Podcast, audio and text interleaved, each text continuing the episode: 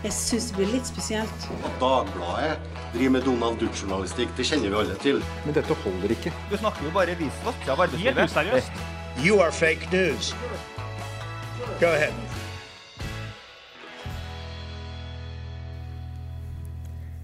Jeg sitter her med en litt sånn øh, oppsiktsvekkende resolusjon fra Oslo Frp som skal legges frem på landsmøtet til våren. Uh, det vil si at øh, denne resolusjonen kom fra Oslo Frp, er ikke så oppsiktsvekkende, men tatt i betraktning at partiet akkurat har gått ut av eh, regjering, og at det er litt eh, uro i partiet, og det er snakk om til og med lederskifte, så blir dette mer interessant enn det ville vært i fredstid. Altså da de satt i regjering. Og i denne resolusjonen så ber de partiet om å nærme seg den nye høyresida i USA og bli et fyrtårn for patriotiske velgere. Og de er eh, eh, klager over at partiet i regjering ikke har vært eh, fulgt med i de større samfunnsendringene som man ser ute i Europa, og da dels i USA. Og i regjering har Frp mistet evnen, og kanskje også til dels viljen til å påta seg en slik rolle, altså være protestparti i Norge. Her i studio er min kollega Jon Olav Egeland og Martine Aurdal, som eh, Martine, du har jo skrevet bok om Siv Jensen i sin tid, og Jon kan skryte av at han har vært på samtlige Frp-landsmøter siden fødselen, og til og med var til stede ved fødselen. Var du til stede ved unnfangelsen også, eller? Nei, var på fødselen på Saga kino i 1973. Ja. Jeg var altså ikke som, var der ikke som stifter, men som observatør. Det er godt å høre. Men Jon, er det denne resolusjonen, altså den eh, fremhever jo da utviklingen i Europa og beskriver bl.a. ganske så misunnelig at skal vi være en del av Europa, og USAs nye høyreside, og være et fyrtårn for patriotiske velgere, slik Senterpartiet har hatt suksess med. Så det er, eh, eh, det er en eh, klar frempek at eh, Senterpartiet har tatt de velgerne som eh, Frp mener at de skal. Ja, det er jo ingen som helst tvil om at eh, Senterpartiet har stjålet velgere, som Frp nå er i ferd med å ta tilbake. Det interessante er at de eh, påberoper seg et nasjonalt standpunkt, og så velger de alle sine impulser fra utenfra Norge. Eh, til og med fra USA og Europa. Det tyder jo på faktisk at eh, globalismen også har sneket seg inn blant nasjonalistene i, i Fremskrittspartiet. Men ellers så jo, er jo dette en gammel motsetning en, som er innebygget i Frp egentlig fra starten. Mellom liberalistene, som jo i sin tid var meget globale. Eh, de mest eh, fremtredende liberalistene i Frp ville jo ha fri innvandring, annet. Og vi fikk jo derfor dette berømmelige store oppgjørsmøtet på eh, årsmøtet i Fremskrittspartiet i 1994 på Bolkesjø, eller også kjent som Dolkesjø. Og som også førte til at da ungdomsorganisasjonen gikk ut, så er, så er det jo en lang, en lang historie om motsetninger på dette området. Men det er jo interessant at det kommer opp på nytt, selv om jeg tviler sterkt på at det har store muligheter til å bli enerådende, eller i hvert fall bli dominant i partiet. De eh, benekter jo selvfølgelig selv at dette er et nytt eh, forsøk på Dolkesjø, eh, som det het, og et oppgjør med liberalistene i partiet, men, men lar liksom de to sidene seg egentlig forene. Ja, Fre. Fremskrittspartiet er, jo et slags kompromiss. Eh, Det påberoper seg å være et liberalistisk parti, men det er jo i høy grad også et parti som eh, støtter det vi kan kalle den etniske velferdsstaten. Eh, De mener jo at innvandring truer velferdsstaten, men de er jo svært opptatt av den. Så en typisk liberalistisk parti er det jo ikke lenger i praksis. De, de er, eh, ligger ofte sosialdemokratiske løsninger nær når det gjelder økonomi i en del sammenhenger. Og så er det på skattesiden eh, liberalister fremdeles. Og det er, en, det er etter min oppfatning ideologisk sett et blandingsparti, slik som det fremstår nå. Ja, Det er viktig å huske på at selv om de sparket ut liberalistene og de mest uh, ihuga innvandringsliberale på Dolkesjø, så er det jo flere fløyer i, den- i Frp enn bare disse to. De har jo også hatt en rekke ekskluderinger av de mest rabulistiske innvandringsfiendtlige, uh, til og med på Stortinget, uh, i flere runder. Og det som har stått igjen, har jo vært da, dette kompromisset, personifisert både gjennom Carl I. Hagen og Siv Jensens linje. Men dette kommer jo da altså fra Oslo Frp, og Christian Tybring-Gjedde er eh, Jeg vil tro at han har avslørt seg selv i denne teksten at det er han som er forfatteren, for det står blant annet Vi må gjenfinne partiets raison d'être. Altså, For folk flest. eh, eh, det er dette partiet for folk flest. det er altså fransk og, og betyr noe sånn som partiets mål og mening. Men det er i hvert fall et eh, dannet skrift om å følge med eh, høyre, høyreekstremistene ute i Europa. de nasjonale, eh, nasjonale strømningene ute i Europa. Og ikke minst så, eh, så er det interessant at de klager over at, eh, at det å sitte i regjering er, eh, er en utfordring ikke bare fordi at man skal samle alle disse partiene, som denne firepartiregjeringen til slutt uh, satt med og spriket i alle retninger, men fordi at uh, at uh, denne overnasjonale styringen gjør at nasjonale beslutninger er nesten liksom bortkastet. Ja, skulle man ta dem på ordet, så måtte det være, i hvert fall da være sterke EU-motstandere. Men Frp har som kjent ikke noe standpunkt i EU. Eh, De mener at det bare skal avgjøres ved folkeavstemninger hvor de selv ikke skal eh, mene noen ting som helst. Eh, Og det er, det er interessant å merke seg at man viser til nasjonalismen ute i Europa. Da kjenner man sin egen historie ganske dårlig. For hvis man tror at man kan bruke Polens eller Ungars, Ungarns historie på det nasjonale området og overføre det til Norge, eh, så er man ganske langt ute på viddene. Historisk sett så er den norske nasjonalismen Den vokser jo fram etter 1814 og, og i konflikt med unionen med Sverige. Og den er jo en demokratisk nasjonalisme. Den er radikal, og den går inn for folkestyre og er mot det som tradisjonell nasjonalisme står for kirke, kongemakt, det militære, autoritær tankegang, konservative holdninger til kultur, kirke osv. Eh, disse tingene preget jo ikke den norske nasjonalismen, så, så eh, her driver man jo og plukker opp eh, historiske brikker som ikke stemmer med det norske kartet. Du nevnte jo eh, tidligere at jeg hadde skrevet bok om Siv Jensen. Der fulgte jeg henne det første halvåret som leder, i 2006. Og eh, på den tida så var det mange som sammenlignet Frp med eh, de ulike høyrenasjonalistiske partiene ute i Europa. Og en av de gangene, første gangen jeg var hjemme hos moren til Siv Jensen sammen med Siv, så gråt mor over sammenligningen, og Siv rev seg i håret, var grusomt fortvilet. For den, den avstanden til de eh, ytterliggående nasjonalistene i Europa har vært veldig tydelige for henne og for for mange av de ledende par- i partiet hele veien. Men det er jo morsomt at du sier at Tybring-Gjedde avslører seg i, i teksten her, for det er jo han som tydeligst Med sin franske dannelse. med sin franske dannelse, og det er jo han som tydeligst har tatt til orde for denne dreiningen av partiet i flere runder også tidligere. Men, men det som nettopp er interessant som gjør det jo, er jo at eh, eh, For det første så var det jo slik at de som brøt ut av regjeringen, eh, ville bryte ut av regjeringen, vant, selv om det var flere grunner og årsaker til at det bruddet kom sånn som det gjorde. Men det er vel rimelig slått fast at Siv Jensen var ikke jublende happy med at de gikk ut av regjering. Så sånn sett så fikk de et stikk der. Og så ser de, som de nevner da i denne resolusjonen, at Senterpartiet har stukket av med mange av eh, velgerne deres og sakene deres. Og det handler om nasjonalisme og patriotisme. Og de plukker liksom disse populistiske eh, greiene som vi har sett både i eh, Storbritannia, eh, med UKIP og disse her, men også, ikke minst, virker det som de er litt inspirert av Trumperen når de sier at vi må sette eget lands interesse først. America first. Men de har jo en eh, innebygd motsetning i, i disse spørsmålene her. For det er ganske mye eh, liberalisme i den økonomiske politikken som Fremskrittspartiet eh, vil føre. Den er en typisk høyrepolitikk, og den stemmer i hvert fall ikke med med f.eks. de kravene som kommer fra mange steder i distriktene, hvor man jo nettopp har en motstand mot, eh, mot sentralisering, som jo bygger på ulike typer på mål, statlig målstyring, eller på markedstankegang. Eh, sentralisering av sykehus, eh, skoler osv. Alle disse tingene som, som er naturlige for en, altså en markedstilpasset virkelighet.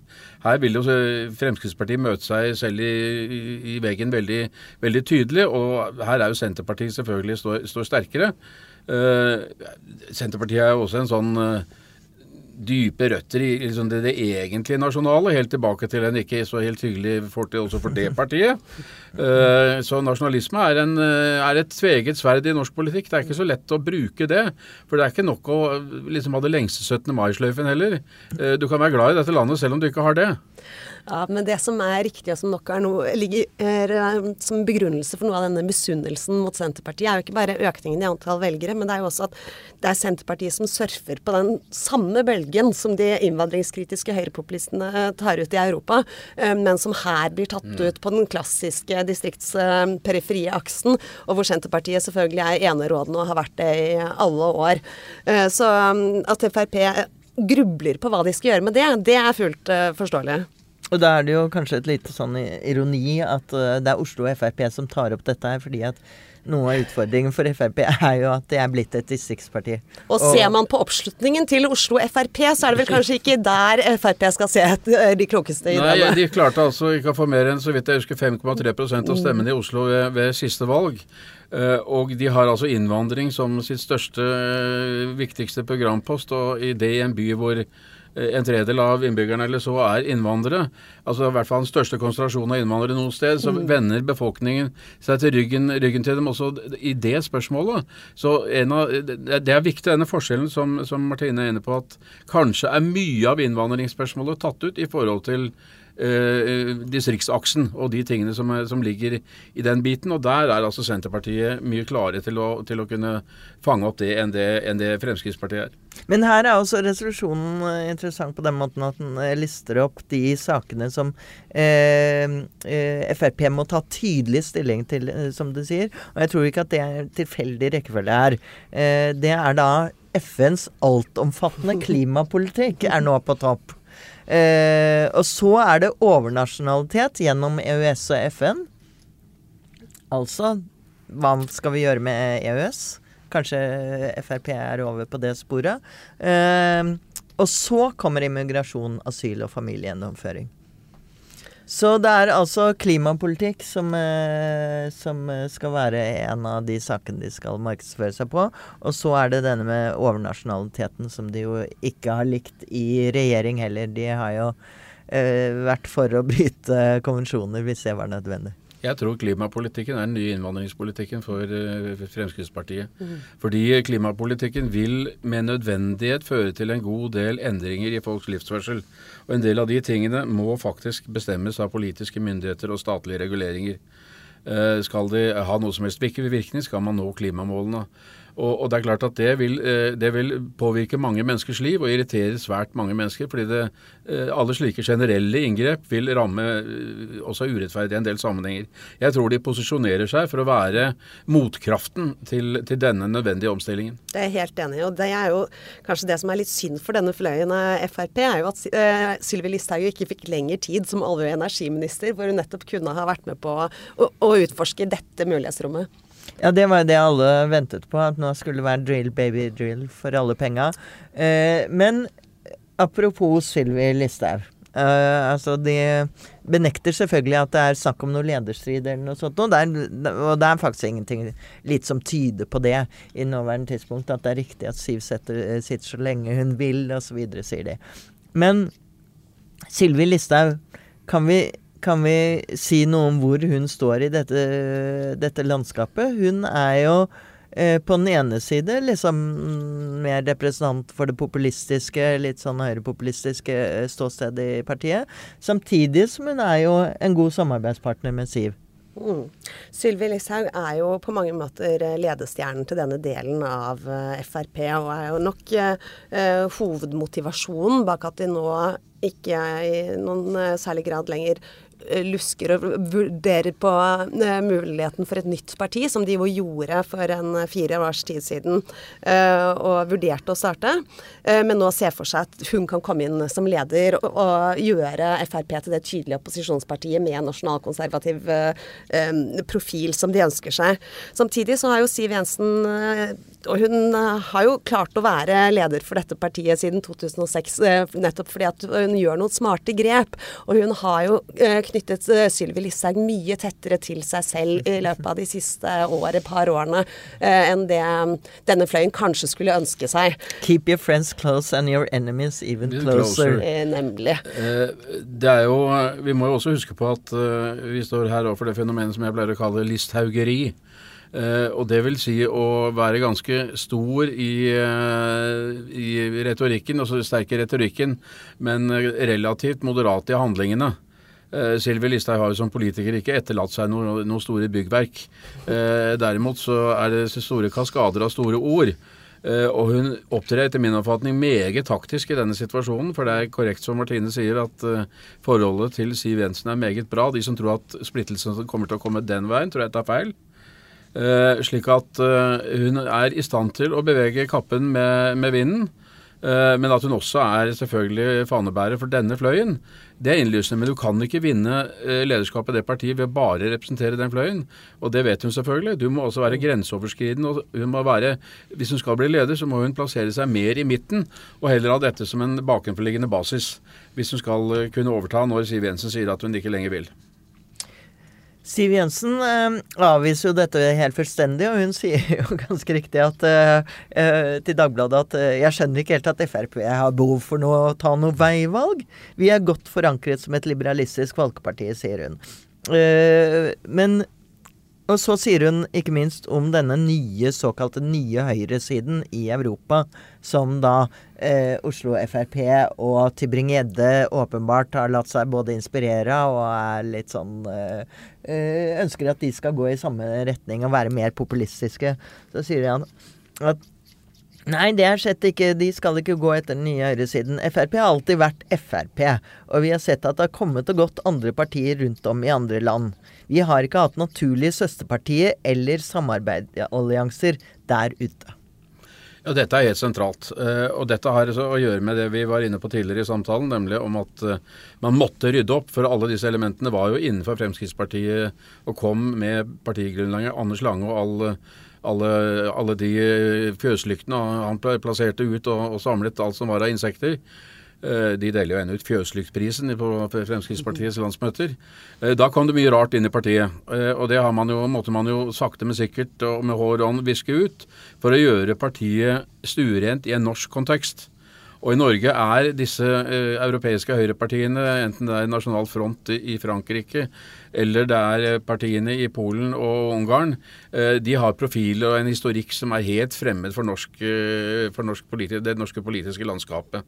Du trenger ikke å gå så langt engang. Altså, bare du ser til Dansk Folkeparti ja. og Sverigedemokraterna og, og Sannfinnerne, så har de en helt annen retorikk og en, en helt annen historie enn det Fremskrittspartiet har. Og det er mye av suksessoppskriften til Frp i Norge. I hvert fall deler av Frp. Jeg syns jo dere er litt vel snille kanskje mot Frp. Det er jo noen som ikke er fullt så ja da, fullt så dannete. Det, det, det, finnes, men jeg har, jeg, som du var inne på, jeg har ikke vært på alle landsmøter, og jeg har vært på svært mange av dem.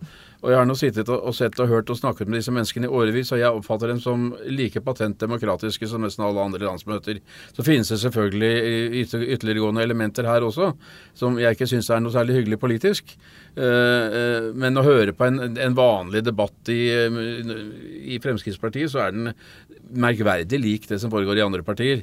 Eh, og den er veldig norsk. Og, og er Med andre ord ganske kjedelig. Det kan du, det Fordi... kan du trygt si. Den er kjedelig.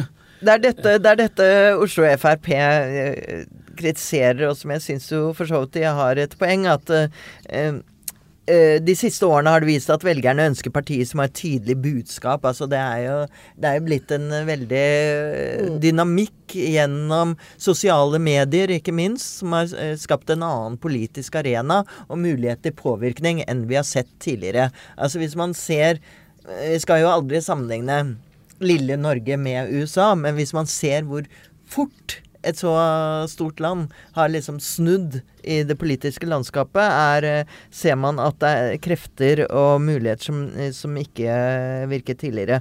Og så sier han at eller Oslo Frp. Taperne er de sosialdemokratiske partiene og andre partier med svake og utydelige budskap sånn som Høyre. Dette er partier som ikke er i, ster i sterk nok grad evner å orientere seg i det strategiske landskapet, justere kursen og gripe eierskap i viktige saker. Altså Det var et litt sånn kronglete byråkratisk språk, men det du sier er liksom at disse partiene er kjedelige og når ikke frem til velgerne. Men jeg syns ikke denne høyresiden i Fremskrittspartiet er så fordømt spennende og dynamisk heller. Eh, og den stemmer ikke med norsk lynne. Og, og når de sier at disse eh, kreftene er, vokser fort, og, det skulle jo også endre seg raskt i USA og i Europa, det er helt korrekt. Men jeg tror at det norske lynnet, det politiske lynnet her, er vesentlig mer eh, tungrodd enn dette. Som eh, Nordahl Grieg sa i et av sine dikt, eh, 'Kornet modne sent her nord'. Eh, det er, det, det, altså Vi snur oss ikke på dag én, altså. Man, man tenker seg om, og, og jeg tror at mange av de, de ideene som du finner hos Trump, eller som du finner, finner eh, hos eh, partilederne i Øst-Europa, de har ikke stor appell eh, i Norge. Eh, til det er på en måte velstanden og velferden tross alt for, for sikker, og eh, motsetningene for små. Og Jeg sier ikke at det ikke kan endre seg, men på det nåværende tidspunkt så, så tror jeg ikke det. Og, Legg også merke til at i denne resolusjonen så heter det Partiet er blitt stående som et alt og ingenting. Det er en sterk setning, det. Å legge frem for, for landsmøtet. Skal det få oppslutning? At landsmøtet skal si at partiet er et alt og ingenting i den tiden det har vært i, i regjering, det, det, er et, det er en sånn provokasjon mot eh, mot partiets ledelse, mot partiets politikk og kurs, at jeg ikke har det, den store tro på at, eh, på at eh, man kan akseptere en resolusjon som inneholder noe slikt. Oslo Fremskrittsparti legger seg her på en, eh, en linje som så langt i hvert fall ikke har hatt, nærheten, hatt muligheten i nærheten engang til å vinne oppslutning i eget parti, så det er heller ingen grunn til å tro at den skulle bli noen stor velgermagnet i norsk samfunnet. Det man eh, vel har sett uh, hittil, er jo at uh, partier ofte at de kan vinne frem på enkeltsaker, protestsaker. Da er nordmenn også villige til å flytte på seg ganske raskt i slike slike protestbevegelser. Men så roer man seg ned og kommer tilbake. Og noe av det vi mangler, eh, nordmenn mangler, er jo særlig hvis man ser bort til USA, da, så har ikke vi det derre veldig konspirative eh, genet som man ser der borte, hvor man liksom tror at her er det juks og fanteri, og, myndighetene er egentlig mot oss. Det er ikke så eh, mange som altså, mener Du skal jo være veldig konspirativ for å tro at Oddvar Nordli eller, eller, eller den nåværende statsminister driver med konspirasjoner. altså. At det finnes ting vi ikke vet av hva som foregår i maktens korridorer, det er sikkert helt sikkert. Men Norge er et, et, et relativt åpent samfunn eh, hvor de meste av de tingene som bør være offentlige, er det. Og så er det noen ting vi ikke vet, for det kanskje av og til av sikkerhetspolitiske hensyn f.eks. ikke er kjent. Men eh, jeg tror ikke det er så mye grunnlag for dette. Jo heller lokalt. Eh, kanskje Så det også er, eh, denne forfatteren skrev jo den berømte kronikken 'Drømmen, eh, eh, drømmen Disneyland', men eh, 'Drømmen fra Disneyland' var det Ja. vel.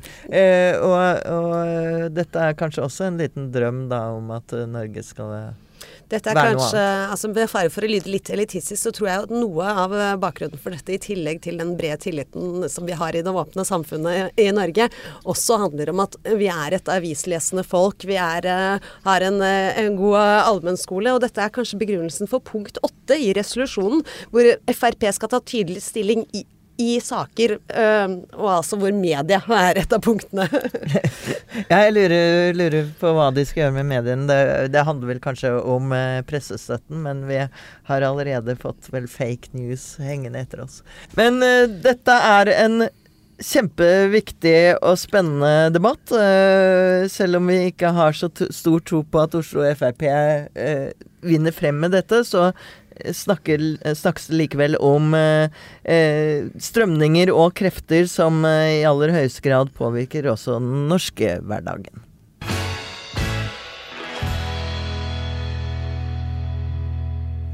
Da er det klart for Oscar-natt igjen. Det er på søndag, og jeg husker at jeg uh, i gamle, gamle dager uh, gjorde alt mulig for å få sett Oscar-natt live, og det var jo ikke så enkelt. Nå har jeg inntrykk, tror jeg, at jeg kommer til å sove godt selv om jeg har muligheten til det. Men Inger Merete Hobbelstad, filmanmelder i Dagbladet, er liksom Oscar like stort som det var før? Nei, det er ikke det. Og dette er jo det som eh, gjør at medlemmene i akademiet, The Academy of Motion Arts and Sciences, de ligger jo søvnløse om eh, natten egentlig hele året og lurer på hvordan i all verden skal de få eh, flere til å se på denne sendingen. Fordi det er jo flere som gjør akkurat som deg. De sover, eh, sover gjennom. Eh, det er stadig færre som prioriterer å slå på TV-en for å se på det. Eh, og dette gjør jo også at det er en strid litt sånn internt i akademiet, da, mens de som mener at ja, men de populære filmene må være med, de må være blant de nominerte, de må belønnes. Og de som mener at det er de mer kunstnerisk ambisiøse, kanskje personlige og, og kanskje på mange måter bedre filmene som fortjener eh, fortjener priser. Men altså fremdeles, det er jo den største utmerkelsen, eller en av de største utmerkelsene filmbransjen kan gi. Og det er fortsatt de største kjendisene på denne planeten Ikke sant? som er- eh, står på scenen der. Og det er fortsatt det viktigste stedet i verden du kan ha på deg en stor eh, ballkjole og få uh, behørig oppmerksomhet uh, for det. Ja, det, dette Så- er jo din spesial, Inger Merete. Halve moroa, Ja. minst. Det er, det er å kommentere ballkjoler på en intellektuell måte, ikke sant? Det går an, jeg tror. Ja. Men, men et av de store spørsmålene i år er jo Klarer Netflix å kjøpe seg en Oscar? Det er helt sant. Det er det store, store spørsmålet. Fordi Netflix har jo to filmer som er nominert til beste film. Eh, Det er eh, The Irishman, som er det store, lange mafia-eposet fra Martin Scorsese, med Robert De Niro, og Al Pacino og Joe Pesci og disse gamle mafiaheltene i, i hovedrollene. Og så har du Marriage Story, som er et mer sånn tett samlivsdrama med Scarlett Johansson og Adam Driver. Eh, Og begge filmene har vært kritikerroste. Og begge filmene er jo åpenbare eh, tunge forsøk fra Netflix for å på en måte overta alle arenaene som har, tradisjonelt har tilhørt de store filmstudioene. Eh, og du kan si at, at filmen til Scorsese eksempel, altså han, der går jo både Robert De Niro og Al Pacino gjennom et sånt eh, hva skal jeg si, avaldringsfilter. Altså det er noe digital teknologi som gjør at de virker mye yngre enn hva de er, for de spiller yngre versjoner av Vi er vant til at de tar på seg masse masker for Ja, ja. å se eldre ut, men her er det altså er det motsatt vei. Og det, det er ikke så lett å ta en maske og gjøre det på, så da må du gjøre det digitalt. Ikke sant. Og det er jo cutting edge teknologi på dette. Og her har altså Netflix bare kastet penger etter Martin eh, Scorsese. Det har kostet over 100 millioner dollar, og de er sånn vær så god, her er det det du trenger. Funker det? Jeg har sett Irishman. Jeg var litt sånn skeptisk av og til, at jeg ble litt forstyrret Ja, av det. jeg syns det i begynnelsen, og så venter jeg meg til det etter hvert. Mm. Så det var eh, Men altså, jeg tenker at dette er jo fremtiden, og bare om litt så kommer den teknologien sikkert til å se gammeldags ut. Men spørsmålet er jo hvorfor gjør Netflix dette? Eh, og det er jo for å si til de store filmskaperne, da, ikke sant, at, at her hos oss har du et hjem, her får du ressursene du trenger når de store, mer kommersielle studioene ikke satser på deg. Men det er altså en pris å betale, og det er at filmene kun går i kort tid på kino, kanskje en uke eller to, eh, og så blir man nødt til å strømme dem. Så det er jo en litt sånn avtale med, med djevelen, da. Eh, og jeg tror jo at det at, at Netflix sin åpenbare imperialisme, da, i dette. Eh, Det er nok noe av grunnen til at Roma ikke vant for beste film i fjor. Det var en Netflix-film, med Alfonso Corons Roma. Og at disse to filmene strever litt. Altså, de har ikke noe favorittstempel på seg. Eh, og det har litt med å gjøre at, at mange av de som stemmer, er folk som opplever Netflix og strømming i det hele tatt som en eksistensiell eh, trussel. Eh, og er Men litt at det er noe annet, da. Altså, jeg tenker på Netflix er jo et uh, nyere fenomen. Mm. Jeg sjekket bare rett før vi gikk i studio at det uh, ble jo faktisk opprettet i forrige århundre, Mm. i 1997. Men, men eksempel her i Norge så kom det jo først i 2012. Og den første egenproduserte produksjonen på Netflix var Lillehammer, Ja. faktisk. Det er jo litt uh, en litt sånn fun fact for oss uh, nordmenn, i hvert fall. Men, uh, og det var da i 2012, så dette har jo gått da i løpet av åtte år, så har det bygd seg opp egentlig til en sånn gigant. Og det jeg lurer på er Altså, det kommer jo nye studioer til innimellom, og nye produksjonsselskap og alt mulig sånn. Det er denne konflikten med at det er egentlig en strømmetjeneste som foregår i hovedsak på det lille lerretet. Ja, for du kan si at disse, øh, disse store studioene, de lever jo at du faktisk drar til kinoen. Løser billett, setter deg der og se, ser denne filmen. Eh, og det at det er gode grunner til å bli i sofaen. Det er en voldsom trussel for dem. ikke sant? Hvis alt er tilgjengelig, hvis filmene til de store filmskaperne Hvis du bare kan ikke sant, hente et glass vin fra pappvin og bare sette deg i sofaen og se Det er den veldig fristende. Det er veldig fristende.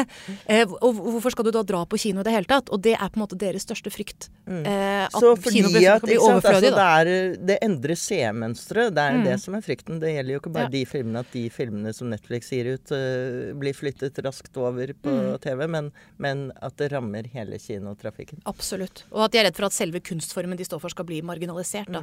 Mens Netflix ser jo helt korrekt at her er det nisje, her er det et rom. Eh, fordi de nervøse studioene har satset mer og mer på liksom store filmer, superheltfilmer og, øh, og det der. Og de pøser jo penger bak Marriage Og det, Story jo, og det er jo fantastisk sett fra publikums side at de satser på kvalitetsting Mm. som nettopp Irishman og, og Marriage Story. Er det Marriage? Ja. Eh, og det er jo sånne klassiske Oscar-filmer, egentlig, Mm. tenker jeg, med alle de. Og med de absolutt eh, toppeste, øverste skuespillerprestasjonene vi har sett i år. Absolutt. Så du kan si at dette er en komplisert debatt. da, fordi det er jo mange ting Netflix har laget som jeg tenker både filmskaper og publikum skal være enormt glade for at de har laget, og som neppe ville blitt finansiert på den måten hvis de hadde gått til andre. da. For det er nettopp at Netflix eh, kan legge sånne økonomiske muskler bak det som gjør at de eh, eksisterer. Men samtidig så er det et helt reelt problem det med at så mye av kulturkonsumet skjer i sofaen i det hele tatt, som Netflix i aller høyeste grad oppmuntrer til. Og det vil jo uvegerlig gjøre, tror jeg, at, at tilbudet på din nærkino, hvis du vil, blir dårligere, da, fordi det er et mindre publikum for det. Eh, Så dette er en komplisert debatt. Ok, jeg har som, hatt som eh, nyttårsforsett eh, for en gangs skyld at, at jeg nå skal komme meg opp av sofaen og begynne å trene med igjen. Nå skal jeg da også avslutte kvelden med å gå på kino. Det, det, kan, Det det de- bør flere ha som forsett. De store forsett. studioene takker deg. Ja, nettopp. Men noen ting forandrer seg ikke. De store heltene på, oppe på lerretet. Og en som eh, dukket opp da jeg var relativt ung, som plutselig nå er blitt en slags sånn Ja, hva skal vi kalle han? Gary Cooper i, i vår tid. Brad Pitt. Ja. Han, han har liksom Altså, han har jo alltid vært der og vært svær, men i år har han liksom jeg føler at han er vokst ut til å bli noe større og er en slags klassisk filmhelt. Ja. Nei, altså Brad Pitt, det er, det er en fascinerende historie. Og han har jo blitt denne eh, altså denne Oscar-oppkjøringen, hvis man skal si. Han har jo blitt det store eh, samtaletemaet og sjarmtrollet, egentlig, eh, i den oppkjøringen. For han er jo storfavoritt til å vinne Oscar for beste mannlige birolle for sin rolle i Quentin Tarantinos uh, Once Upon a Time in Hollywood. Og har eh, vært overalt og har liksom eh, kommet opp på scenen og holdt ekstremt eh, liksom morsomme og egentlig søte, helt åpenbart forberedte takketaler. Da han var oppe og hentet sin SAG Award, altså Screen Actors Guild Award, så sa han jo med en gang at åh, denne må jeg få ut på Tinder-profilen min. Eh, han er jo som absolutt Som om alle han trenger mer på CV-en sin. Så ehm, og, og det jeg har hørt folk spekulere, er hvem skriver talene hans. ikke sant? For de er så helstøpte og så vittige og så uh, bare til, til å spise opp. Uh, og alt dette gjør jo også at det kanskje kommer litt mer oppmerksomhet rundt Brad Pitt og alt han egentlig driver med. For én ting er at han nå da, som han nå er i 50-åra, har tatt veldig interessante roller som kler ham veldig godt. Uh, men han er jo også produsent, og han har faktisk produsert flere av de filmene som har vunnet Oscar for beste film. 'Moonlight', som vant for et par år siden. 'Twelve Years a Slave', som folk sikkert eh, husker. Så det er noe med at man har kommet med eh, full tyngde, sin fulle filmstjernetyngde og produsenttyngde inn i eh, denne, denne prissesongen, da, og blitt liksom det store, store For for han, var jo kanskje rammet litt av det som mange unge kvinner blir rammet av. Da. Et slags Mm. sånn bimbo. Vi husker mm. han liksom eksploderte på scenen i Thelma og Louise. Ja. Og det var vel i 92, Ja, tror jeg, hvor han var helt fersk. Og han var jo bare smellvakker, latterlig vakker. Ja, hva husker og du også Thelma og Louise? Og det var hele hans Ja. uh, Hans greie var jo liksom det derre Brad Pitt dagen etter at han hadde våknet opp sammen med Gina Davis. Da Mm. tror jeg jeg har et sånt bilde av han. Altså, han kom jo inn i den filmen for å være sex på to bein. Ja, ja. sant? Det er egentlig hans funksjon i den filmen. Eh, og så kommer han inn i noen filmer etter det for å være romantikk på to bein. Altså sånn i Legends of the Fall og, og hvis noen husker den, de filmene der. Men egentlig så så du tegn til det ganske tidlig, at han egentlig var litt ubekvem med å være eh, hjerteknuser eller sexsymbol. Jeg husker det var en sånn tidlig fotoserie hvor han lot seg fotografere i kjole. Eh, og han tok jo sånne veldig rufsete roller som i, i eh, Guy Ritchies Snatch, hvor han er en sånn sigøynerbokser som snakker med sånn uforståelig eh, Ja. Fight Club og alle disse Fight Club. ja. Altså du kan si at Fight Club er en blanding, for der er han jo på en måte idealmannen, men er på en litt sånn farlig, annerledes måte. Da. Han er jo selvfølgelig eh, Ja, det er, en, det er en veldig utfordrende eh, film. Og han har jo det Altså, jeg har tenkt det noen ganger når jeg er på sånne store filmfestivaler og sånn, og du hører de virkelig store stjernene snakke, så tenker du at det er en grunn til at de har vært stjerner så lenge. Det er ikke bare at de er vakre og karismatiske, liksom. Altså her er det en strategi, her er det eh, folk som har et analytisk, seriøst forhold til det de, det de driver med, da. Og, og jeg tenker at det blir jo Men mer er han en god skuespiller? Jeg tenker at Brad Han kan være det. Eh, Jeg har tenkt om ham at han trenger å bli plassert i riktig rolle eh, og riktig film. Han kan være litt, eh, litt intetsigende, litt flat, hvis han ikke blir, blir eh, brukt riktig. Eh, Men, så, men Quentin Tarantino, som jo har regissert denne filmen, er veldig god på å tenke å bruke Brad Pitt. da. Eh, Og at han er i en rolle der han får denne veldig avslappede og egentlig nesten litt sånn mystiske eh, auraen han kan ha. da, Fordi man er alltid litt sånn usikker hvor mye han egentlig investerer i ting. Og det Tarantino gjør i, i Once Upon a Time in Hollywood altså Han tar jo, setter jo Leonardo DiCaprio, som er god til å spille veldig anspent, mot Brad Pitt, som har en sjarme som er veldig eh, avslappet og veldig layback. Og så lar han de to energiene liksom krasje litt inn i hverandre. Eh, og, og- jeg syns at be, begge to er omtrent på sitt beste i denne filmen. Da, at det er en veldig, veldig fin måte å bruke deres veldig forskjellige energier og utstrålinger på. Så det er jo ikke, det er ikke mange kvinner som overlever, men når jeg tenker meg om, så er det ikke så mange menn heller som overlever. Det er liksom i eh, den generasjonen litt over meg er det Meryl Streep og Robert De Niro i Irishman, som liksom durer og går evighetsmaskinen. Og nå har også Brad Pitt fått et slags eh, evig liv. Ja, Det er, det er tøft. Det er ikke bare glamour i Hollywood, så det er tøft å holde ut òg. Nei, altså Hollywood er en bransje som famøst straffer sine stjerner veldig hardt hvis folk slutter å ønske dem, eller hvis de spiller i filmer som ikke gjør det bra. Så er det veldig ofte stjerna som får skylda, da, for det er liksom det store navnet som skal trekke de store eh, menneskemengdene. Så det hvis du klarer å navigere det landskapet der og, og holde deg på toppen, da, ja, du har sikkert hatt litt flaks, men, eh, men du har gjort noe veldig riktig også. Men eh, vi får trøste oss med at de får godt betalt for, eh, for dette her. så, eh, så kanskje jeg sitter oppe og ser på. Jeg er blitt vant til det i disse USA-tider hvor så mye skjer på den tiden av natten, så da kan jeg jo også få med meg en Oscar, kanskje. Ja. Så dette var eh, siste med Marie Simonsen. Takk for at dere hørte på. Gå inn på Facebook og lik oss der, og ha en riktig god helg.